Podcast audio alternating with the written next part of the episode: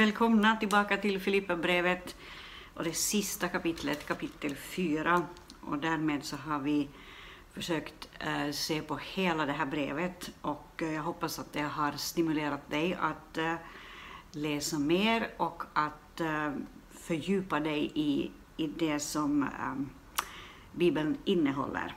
Eh, nu ska jag läsa kapitel 4 och eh, så ska jag ge dig några kommentarer kring den här texten och eh, ja, ska vi se var vi hamnar. Paulus skriver så här, stå därför fasta i Herren, min, mina älskade och efterlängtade bröder, min glädje och min krona, mina älskade. Jag uppmanar Evodia och uppmanar Syntyke att vara eniga i Herren. Ja, även dig, trofaste medarbetare, ber jag, hjälp dessa kvinnor som har kämpat med mig i evangeliets tjänst tillsammans med Clemens och mina andra medarbetare som har sina namn i Livets bok. Gläd er alltid i Herren. Än en gång säger jag, gläd er. Låt alla människor se hur vänliga ni är. Herren är nära. Bekymra er inte för något, utan låt Gud få veta alla era önskningar genom bön och åkallan med tacksägelse. Då ska Guds frid, som övergår allt förstånd, bevara era hjärtan och era tankar i Kristus Jesus. För övrigt, bröder, allt som är sant och värdigt, rätt och rent, allt som är värt att älska och uppskatta, allt som kallas dygd och förtjänar beröm, tänk på allt sådant. Det ni har lärt och tagit emot, hört och sett hos mig, det ska ni göra. Då ska fridens Gud vara med er. Det har glatt mig mycket i Herren att er omtanke om mig till slut fick blomma upp. Visst tänkte ni på mig tidigare också, men då hade ni inget tillfälle att visa det. Jag säger inte att jag har saknat något, för jag har lärt mig att vara nöjd med det jag har. Jag kan leva enkelt, jag kan också leva i överflöd. Med allt och med alla förhållanden är jag förtrogen. Att vara mätt och att vara hungrig, att ha överflöd och att lida brist. Allt förmår jag i honom som ger mig kraft. Men ni gjorde väl som hjälpte mig mitt i mitt svåra läge. Ni Filipper vet också hur det var under evangeliets första tid när jag hade lämnat Makedonien. Ni var den enda församling som hade sådan gemenskap med mig att man kunde föra bok över givet och mottaget.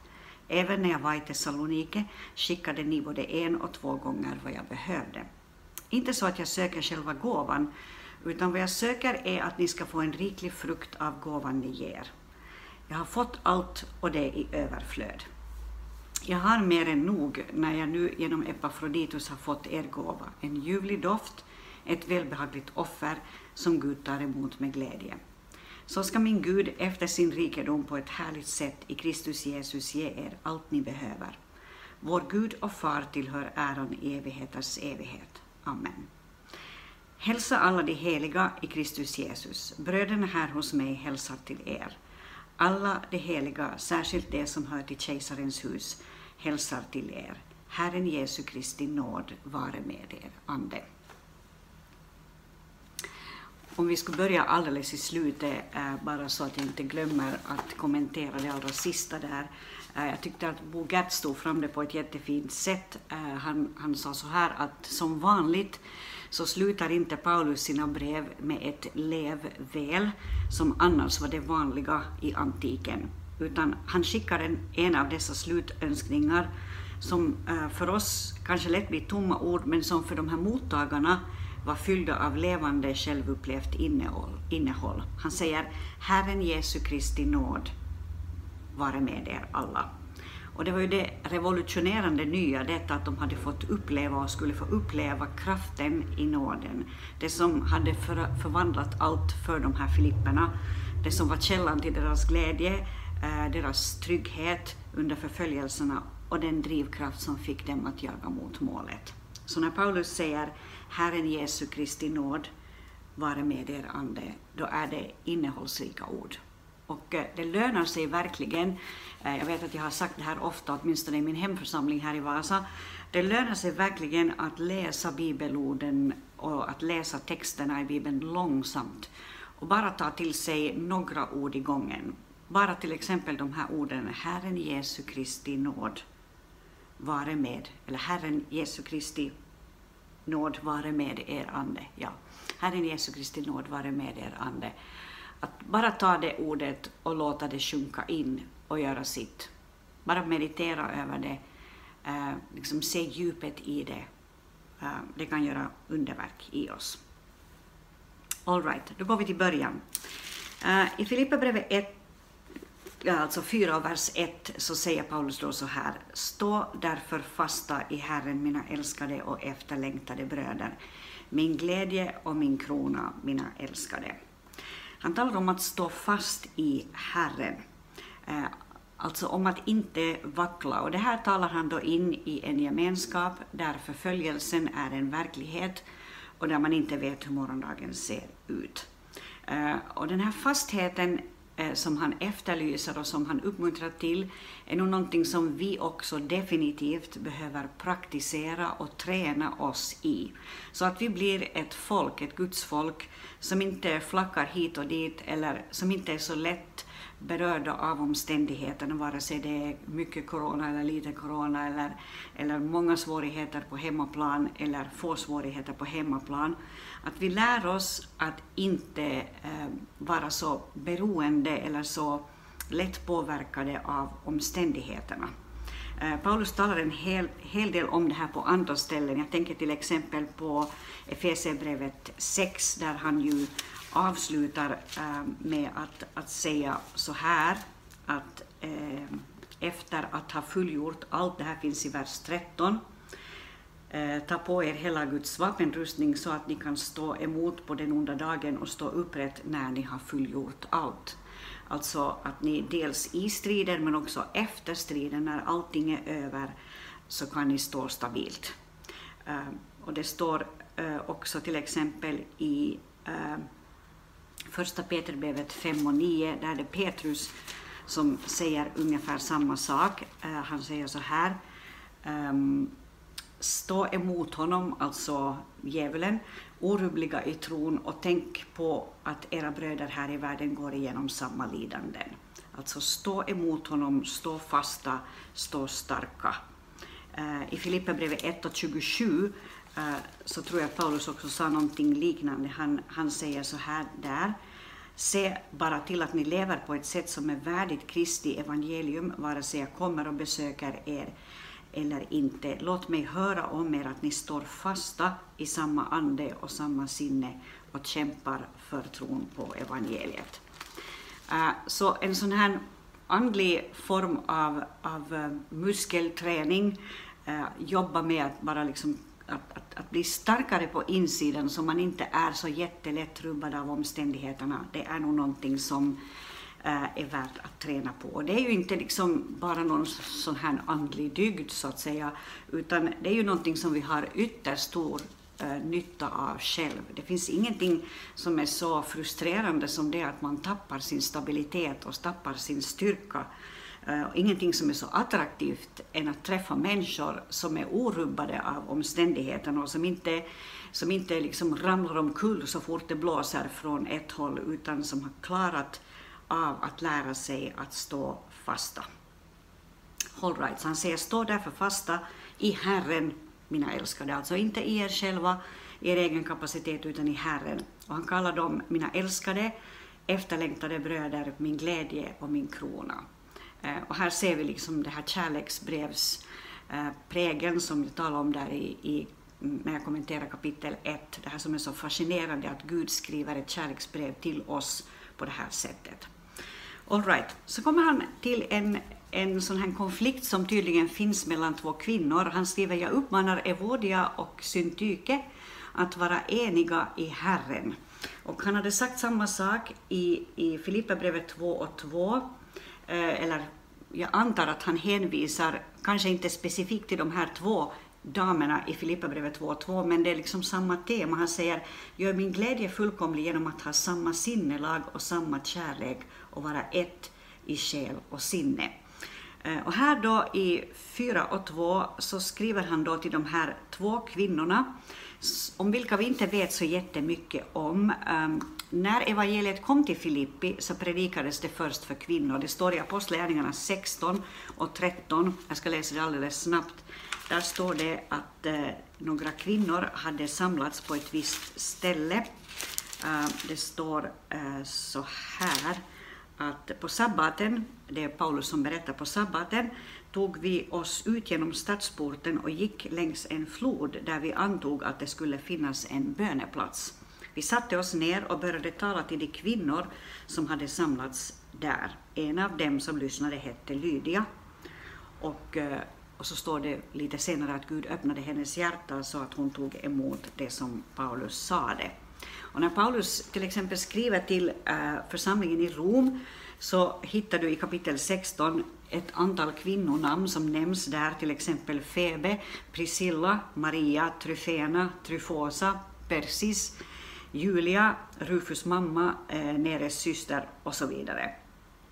De här två kvinnorna nu då, om vi går tillbaka till Filipperbrevet 4, det är två kvinnor som verkar ha haft en hög position i kyrkan. Eh, när Paulus säger så här att han, han uppmanar dem, eh, på engelska står det I beseech, eh, I urge, eller I beg you. Uh, så det är ett sådant empatiskt ord eh, där Paulus av hjärtat vädjar till dem att de ska försöka göra allt för att, eh, att liksom hitta varandra igen. och att, att de inte ska liksom fastna i den här striden.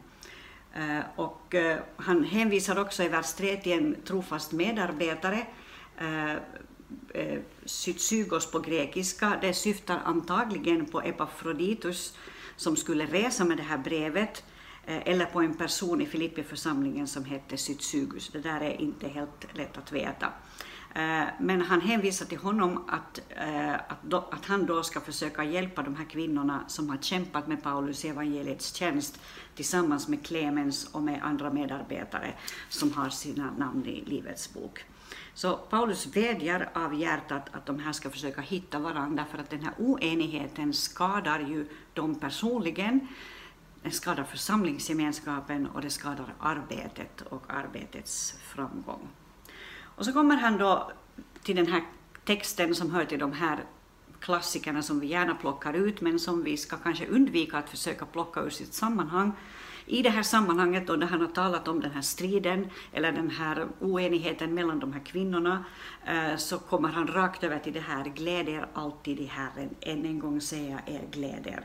Låt alla människor se hur vänliga ni är, Herren är nära. Så han är ute efter att människor ska få se den harmoni som finns i deras liv på grund av vad Jesus har gjort för dem. Eh, och att, att tron på Jesus har liksom satt sig så djupt att det präglar deras personlighet och deras sätt att fungera. Eh, och eh, ja, det är också värt att fundera lite på att Gud har jag låtit tron på dig gå så djupt att det verkligen präglar mitt liv så att jag kan glädja mig mitt i omständigheterna oavsett hur de ser ut. Och så säger han, bekymra er inte för något, absolut inte för någonting, utan låt Gud få veta alla era önskningar genom bön och åkallan med tacksägelse. Varje gång jag läser sådana här texter som Paulus skriver där han talar om bön så blir jag bara så glad över det att signalen är så supertydlig att det lönar sig enligt Paulus att be för allt. Alltså, bekymra er inte för någonting, låt Gud få veta alla era önskningar. Det finns ingenting hos Paulus som är liksom som skulle vara den här signalen att nåja, nu kan ni ju be men man vet aldrig om det lyckas eller Gud bryr sig inte om sådana här saker eller ni kan förvisso be för evangeliets framgång men sådana här personliga grejer så kan ni nog glömma därför att det är liksom för smått för Gud. Det finns inga sådana signaler hos honom utan snarare låt Gud få veta alla era önskningar genom bön och åkallan med tacksägelse. Och så säger han, då ska Guds frid, som övergår allt förstånd, bevara era hjärtan och era tankar i Kristus Jesus. Vilket ju är vår målsättning, att friden i Jesus ska kunna så bevara oss nära hans hjärta att vi inte rubbas av de omständigheter som vi är mitt uppe i. Och det är ju liksom utifrån sådana omständigheter och mitt i sådana omständigheter som Paulus skriver. Han säger för övrigt, bröder, allt som är sant, allt som är värdigt, allt som är rätt, allt som är rent, allt som är värt att älska och uppskattas, allt som kallas dygd och förtjänar beröm, tänk på allt sådant. Så ännu en gång ett ord om de tankar som vi låter eh, husera i, våra, i vår tankevärld. Eh, hur viktigt det är att komma ihåg att det som pågår på insidan mellan öronen, det präglar vårt liv. Alltså att, att eh, det vi tänker på, det skapar frid eller det skapar ofrid. Så vi har ett ansvar verkligen att se till att vi inte tillåter sådana tankar som bryter ner oss. Och det är ofta det här som händer när man, när man liksom hamnar i en sån här spiral av negativitet och, och frustration, att, att det blir som en Ja, det blir som en sån här karusell som bara går snabbare och snabbare, eller en spiral som bara går djupare och djupare ner. Och eh, därför, som en motvikt till den här spiralen, så kan det vara värt bara att ta de här verserna i vers 8 och framåt, 8 till 9, och bara riktigt tugga på dem och meditera över dem en tid. Hjälp mig Gud att tänka på det som är sant, att tänka på det som är värdigt, att tänka på det som är rätt, att tänka på det som är rent, att tänka på allt som är värt att älska och uppskatta, att tänka på allt som kallas dygd och förtjänar beröm. Hjälp mig Gud att tänka på sånt och att ha det som en bön, kanske under ett halvt år framåt, så att det blir uh, en del av ens liv förr eller senare. Ja. Eh, och så kommer han då eh, till eh, att nämna en gåva som då har skickats till honom. Han tackar för den här gåvan som de har skickat. Han säger att det har glatt mig mycket i Herren att er omtanke om mig eh, till slut fick blomma upp. Och han säger att visst har ni tänkt på mig tidigare också, eh, men ni hade inget tillfälle att visa det. Men nu har ni fått ett konkret, eller haft ett konkret tillfälle att visa mig er uppskattning. Och, och det tackar han dem då för. Eh, och, eh, och, han ser lite senare där i vers 17 att det är ju inte så att han söker själva gåvan, utan att de ska få en riklig frukt av att de har fått så in i hans liv. Och det visar ju på en bra princip nog det här att när vi vågar så, så får vi också själva bli välsignade. Eh, att när vi vågar ge ut av oss själva och av det vi äger, så är Gud inte den som lämnar oss ovälsignade efteråt. Eh, och så kommer han till en och det här skulle jag nästan säga att det här är det, för mig det viktigaste i hela Filipperbrevet 4. Det här behöver jag i min egen livssituation jätte, jättemycket. Men han talar om, om detta att eh, han inte har saknat något, nu är jag i vers 11. Uh, han har lärt sig att vara nöjd med det han har. Och så kommer han till det. Han säger, jag kan leva enkelt, jag kan leva i överflöd. Med allt och med alla förhållanden är jag förtrogen att vara mätt och att vara hungrig, att ha överflöd och att lida brist. Allt förmår jag i honom som ger mig kraft. Eh, och sen tillägger han, men ni gjorde rätt att, i det att ni hjälpte mig, alltså ekonomiskt, eh, i mitt svåra läge. Det han kommer fram till här, eh, det, är, det är det som vi skulle äh, kalla för autarki, alltså äh, om, om du slår upp ordet autarki äh, i i en ordbok så får du definitionen, det är att vara sig själv nog, eller det är en sån här självförnöjsamhet. Som här hos Paulus får en, en lite annan vändning därför att han är ju grundad i Herren och han håller sin, han håller liksom sin, vad ska jag säga, han, tar, han hämtar sin stabilitet från Herren. Men i den stoiska filosofin så betecknade autarkin eh, den vises upphöjda likgiltighet inför alla sorger. Eh, hos stoikerna så var det en sån här kylig oberördhet, eh, även inför de närmaste, alltså familjen och så vidare, inför ens närmastes lidanden. Eh, och stoikerna hade liksom den principen att de skulle klara av att kunna säga att det där rör mig inte, fast det då skulle handla om mina närmastes lidande. För Paulus var det här något som, som kom från Kristus eh, och som rustade honom att kunna tjäna andra oavsett omständigheterna. Det handlar om en inre styrka. Det handlar om det här när han säger i Efesierbrevet 6 och 10 att vara starka i Herren och i kraften, eh, eller i den kraft som utgår från honom. Så uh, han använder här liksom det här ordet uh, autarkes då, uh, som, som vi då hittar autarkin uh, i och, och, och liksom hänvisar till den här principen och livshållningen, att man kan lära sig att i Kristus eh, bli så rotad och grundad att man inte är rörd av omständigheterna. Han kan, se, han kan alltså leva enkelt, han kan leva i överflöd. Med allt och med alla förhållanden så är han förtrogen. Han kan vara mätt, han kan vara hungrig, han kan ha överflöd, han kan lida brist. Allt förmår han i Herren som ger honom kraft. Så om du vill ha ett böneämne och en utmaning för dig själv nu i sommar, eh, Eh, så be om den här attityden. Gud, hjälp mig att bli en sån människa som klarar omständigheterna oavsett hur de ser ut och eh, som inte liksom hänger upp sig på sådana här eh, jag tänkte säga småsaker. Nu är det ju inte alltid en småsaker som vi råkar ut för, men som liksom inte rubbas på ett sådant sätt att vi kommer av oss i det vi ska göra. För vi är ju, som jag säger för nu för hundrade gången, vi är ju insatta i ett långlopp faktiskt. Eh, ett stafettlopp som är långt och man ska orka springa länge, man ska orka vara fokuserad länge och man får inte tappa bort sig i sådana här eh, omständigheter som kanske är tuffa och utmanande. Ja, och eh, så talar han ännu en gång om den här gåvan som han har fått och eh, han säger att det var en ljuvlig doft, ett välbehagligt offer som Gud eh, har tagit emot med glädje. Och så säger han så här till dem i vers 19, Gud ska efter sin rikedom på ett härligt sätt i Kristus Jesus ge er allt vad ni behöver. Eh, så han, han är helt säker på det att när de har sått in i hans liv och inte bara för att de har sått in i hans liv, men, men utifrån Guds godhet. Gud som låter sitt, sin sol gå upp över onda och goda och som låter det regna över oss alla. Den guden ska efter sin stora rikedom och på ett härligt sätt i Kristus Jesus ge dem allt vad de behöver.